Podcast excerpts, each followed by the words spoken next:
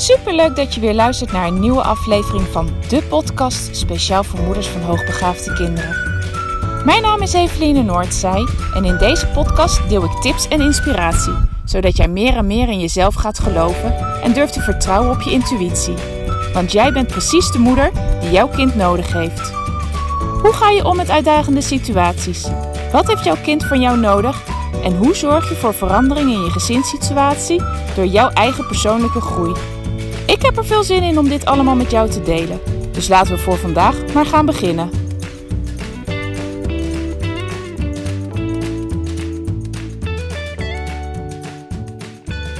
Ha, lieve luisteraars, leuk dat je er weer bij bent. Vandaag ga ik het met je hebben over rechtvaardigheidsgevoel. Een onderwerp waar ik volgens mij nog niet eerder echt aandacht aan heb besteed. Maar afgelopen week was dit het gespreksonderwerp thuis met een van mijn kinderen. En ook vandaag kwam het met een cliënt uh, ter sprake. En ik dacht, oh, eigenlijk wel heel interessant om eens een keer een podcast over op te nemen. Want het is toch wel iets wat er heel vaak voorkomt. En wat je, ja, waarvan we zien bij hoogbegaafde kinderen dat dat rechtvaardigheidsgevoel enorm groot is. Nou, ik denk niet alleen maar bij kinderen, maar überhaupt bij hoogbegaafden, dus ook bij volwassenen. Ik herken het ook enorm bij mezelf. En nou, ik ben altijd heel erg benieuwd hoe komt het nou dat iets zo is? Weet je, we kunnen wel met z'n allen zeggen, ja, hoogbegaafde kinderen hebben dit of hebben dat, of zien we daar veel mee, of zien we dat. Um, zo ook bij rechtvaardigheidsgevoel, dat wordt toch in het algemeen wel gezegd. Ja, hoogbegaafde kinderen hebben ook een heel groot rechtvaardigheidsgevoel over het algemeen. Maar ja, hoe komt dat nou? Wat zit daar nou eigenlijk achter? Nou, dat is voor dit best vlot uh, te achterhalen en te begrijpen. Maar dat grote rechtvaardigheidsgevoel komt doordat ze in hun morele ontwikkeling verder zijn. De morele ontwikkeling gaat over goed en fout. Ze weten al, al vrij jong wat goed is, wat fout is, zijn daar ook heel erg mee bezig. Hebben daar ja, door in die morele ontwikkeling een voorsprong en kunnen dan ook uh, ja, sneller op jongere leeftijd uh, daar al mee bezig zijn. Eigenlijk waar andere kinderen nog niet mee bezig zijn. Die zoiets hebben van, nou, is prima. He, denken niet na over, is het nou goed of is het fout. Zijn zij daar al veel verder in en zijn ze daar ook heel erg mee bezig. En zijn ze daar dus ook uh, op gefocust. En zien ze ook, doorzien ze ook sneller van, hé, hey, maar dit klopt niet. Dit is niet goed of dit is fout. En eh, een mooi voorbeeld altijd wat voor iedereen heel duidelijk is en wat ook de meeste hoogbegaafde kinderen wel meemaken, is um, ze spreken in de kleuterklas iets af met een van de andere kinderen. En vervolgens um, is het tijd, gaat de school uit en wil jouw kind, jouw hoogbegaafde kind, met dat andere kind gaan spelen. En blijkt het andere kind met iemand anders mee naar huis te gaan, want daar hebben ze nu net mee afgesproken. Het andere kind is helemaal nog niet zo mee bezig. Van oké, ik had eerst met hem afgesproken en dat is natuurlijk niet eerlijk. Die, die doen dat gewoon. Die zijn nog niet zo ver in hun ontwikkeling. En um, hoogbegaafde kinderen zijn dat wel. En die hebben zo, gelijk zoiets van: hé, hey, maar dit is niet eerlijk. Jij had toch eerst met mij afgesproken? Hoe kan je dat nou doen? Nou, dat, dat, die, die, dat ze verder zijn in die morele ontwikkeling, um, zal ook uh, vaak de oorzaak zijn van conflicten met, met leeftijdsgenoten. Uh, nou ja, en wij hadden het dus afgelopen week, uh, heb ik tenminste het gesprek met een van mijn kinderen gevoerd, die dit ook een paar keer had. Zo had hij van de week ruzie op een verjaardag uh, met een ander kind, omdat hij zoiets had van: ja, maar weet je, de bal ging uit via hem, dan is die voor mij met voetballen. Uh, en dan zegt hij: nee hoor, jij schoot hem uit. Hoe kan dat nou? Dat is toch niet eerlijk? En was daar echt heel verbolgen over. Um, mede ook omdat er een hele ruzie uit uh, voortkwam. Maar hij vond het gewoon echt niet eerlijk. En had zoiets van: ja, maar hoe, hoe, hoe dan? Hoe kan je nou zeggen dat dat niet waar is? Dat die bal niet voor mij is? En uh, van de week kwam hij terug na een training van de voetbal. En toen zei hij: ja, ik heb verloren. En uh, het was ook helemaal niet eerlijk, want die teams waren helemaal niet eerlijk verdeeld. En dan deed de trainer wel met ons mee. Maar ja, die speelde niet op zijn best. Daar heb je dan toch niks aan. Dus ook daarin, ik zag het gewoon, die hele verontwaardiging van, nou, hoe kunnen ze het hebben verzonnen om het zo te regelen, om het zo te doen? Het was zo niet eerlijk in zijn ogen. En nou ja, dat sterke rechtvaardigheidsgevoel, dat herken ik ook bij mezelf. En eh, toen ik van de week met, uh, met onze zoon hierover zat te praten en ik zo zijn verontwaardiging zag, beide keren van ja, dat, dat het zo als niet eerlijk beschouwde. Toen moest ik denken aan een eigen ervaring die ik heb gehad. Ik zat in groep 8 en wij hadden, ja, we hadden gym en we gingen een keer gimmen. Ik weet eigenlijk niet meer waarom, maar met beide groepen 8. En we gingen trefbal spelen. Volgens mij was het trefbal. En um, nou, het was de ene groep tegen de andere groep. En nou, het was al niet eerlijk, want die, de, niet mijn, mijn groep 8, maar de andere groep 8 uh, eh, was al groter. Volgens mij zaten daar ook meer jongens in. Ja, in ieder geval, er was iets niet eerlijk. En we gingen trefbal spelen. En ik kan nogal fanatiek zijn met spelletjes spelen.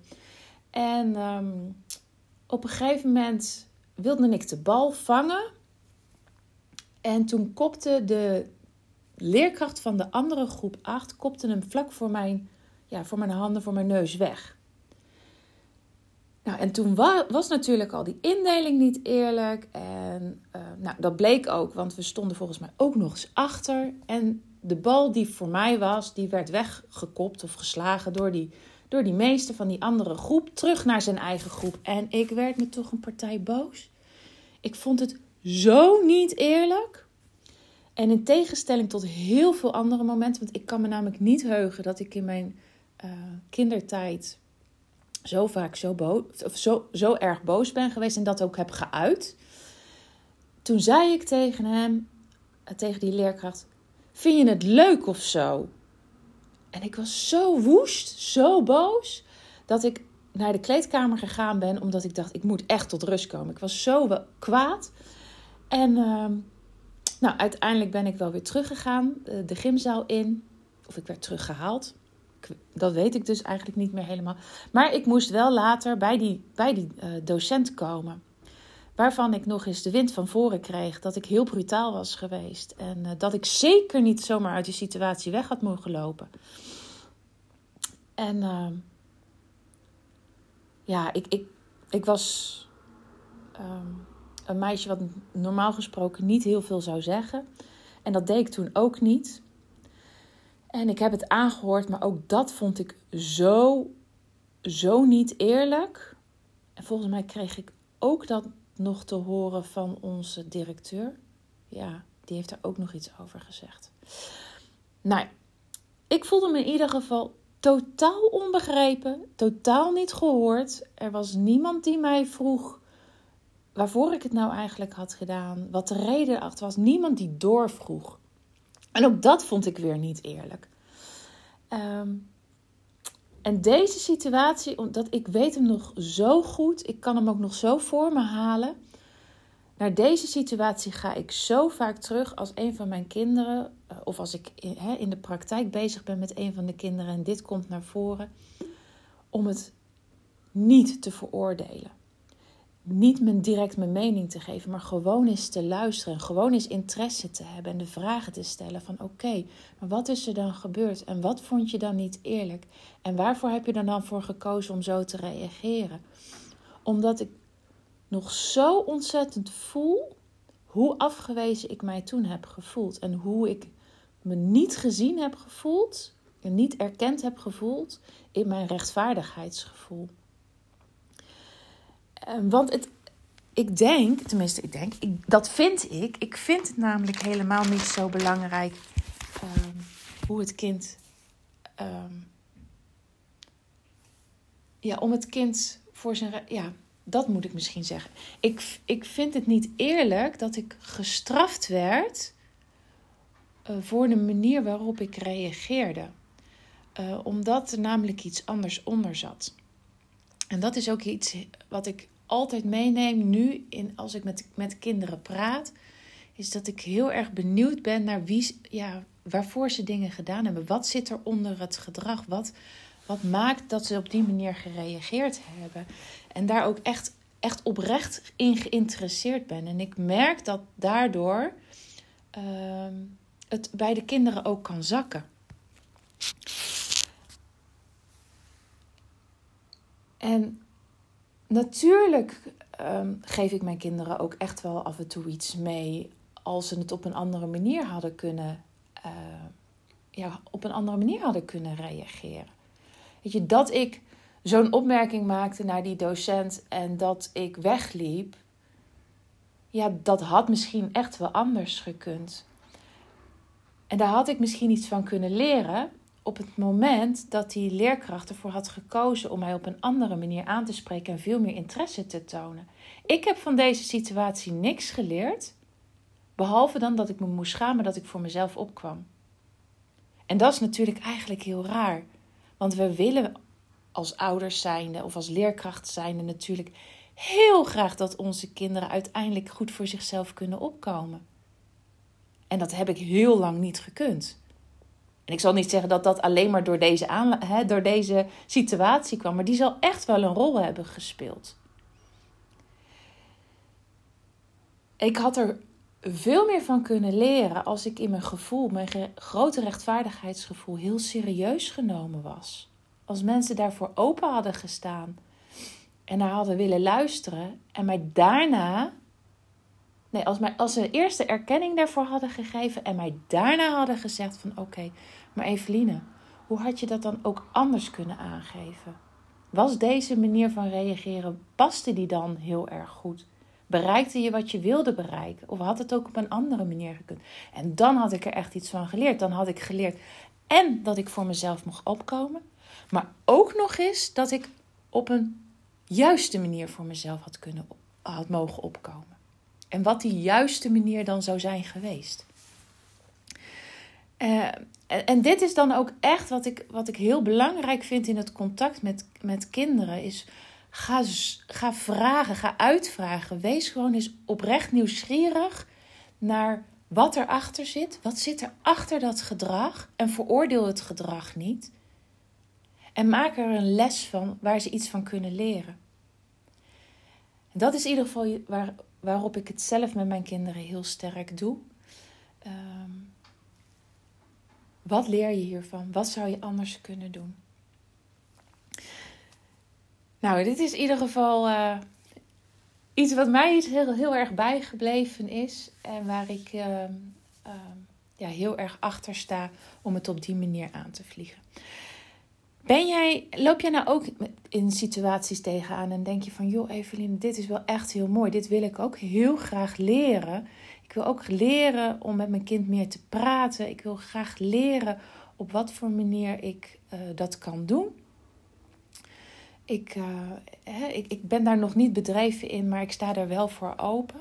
Ik wil er voor mijn kind een, echt een leermoment van maken. Nou, weet dan dat ik ook ouderbegeleiding aanbied. Dit is, dit is voor mij echt de manier uh, om ouders dit soort dingen te leren. Hè, we gaan het ook dus niet hebben over uh, je hebt het goed gedaan, je hebt het fout gedaan. Maar we gaan het heel erg hebben over oké, wat wil jij graag bereiken? Wat wil jij leren? En, en welke stappen kan je daarvoor nemen? Uh, en dat doe ik met ouderbegeleiding. En veel ouders denken altijd dat ouderbegeleiding, oh, dat is een eindeloos aantal sessies. Nou, dat is helemaal bij mij niet het geval. Uh, we beginnen gewoon met de eerste keer en kijken hoe ver we daarin komen. En van de week kreeg ik een, een mailtje terug. Ik zoek hem eventjes op van een uh, ouder die in begin december bij mij is geweest. Zij zijn met z'n tweeën bij mij geweest. En um, uh, ze hebben ook echt maar ja, één consult uh, hebben we maar afgesproken. En daarmee zijn ze ontzettend goed geholpen. En ze schreef mij: Het gaat al een stuk beter met onze zoon. We merken dat zijn zelfvertrouwen beter is. Ook dat hij minder snel boos wordt omdat we jouw tips toepassen. Al met al een hele vooruitgang en daar worden we allemaal blij van. Nou, en dat is natuurlijk ontzettend fijn om te horen. En dat is ook het doel. Zo min mogelijk afspraken, maar wel dat je zo ver mogelijk komt in de opvoeding. Dus denk je nou van ja, hey, die ouderbegeleiding, daar zie ik wel wat in. Dat wil ik heel graag. Weet dan dat je via mijn online agenda een afspraak kan inplannen. Ik zal de link in de beschrijving van deze podcast ook uh, neerzetten. Het is een kwestie van op drukken en de afspraak plannen. Um, denk je nou van ja, ik twijfel nog heel erg. Zou die oude begeleiding nou wel voor ons geschikt zijn? Is deze vraag daar wel voor geschikt? Ik, we kunnen ook altijd even een uh, vrijblijvend adviesgesprek inplannen. Tenminste, dat kan jij inplannen. En uh, dan neem ik telefonisch contact met je op op de datum dat jij, die, die jij inplant. En dan hebben we 30 minuten om daar even met elkaar over te praten. En dan voorzie ik je ook gewoon eerlijk van het advies van: Goh, Uh, ja, dat is een afspraak voor ouderbegeleiding, is heel erg waardevol. Daar kan ik je echt mee helpen. Of nou, weet je, dit. Uh, ja, daar hoef je geen apart consult voor in te, te boeken. Daar kan ik je zo al wel eventjes een tip voor meegeven. En dan kan je er verder mee aan de slag. Of daarvan, daarvoor is gewoon wat meer nodig. En dan wijs ik je ook de goede weg. Nou, beide linken staan in de beschrijving van deze podcast. Dan ga ik voor vandaag afsluiten. Ik wens je een hele fijne dag. En uh, ik spreek je over twee dagen weer, vrijdag weer. Groetjes, doei doei!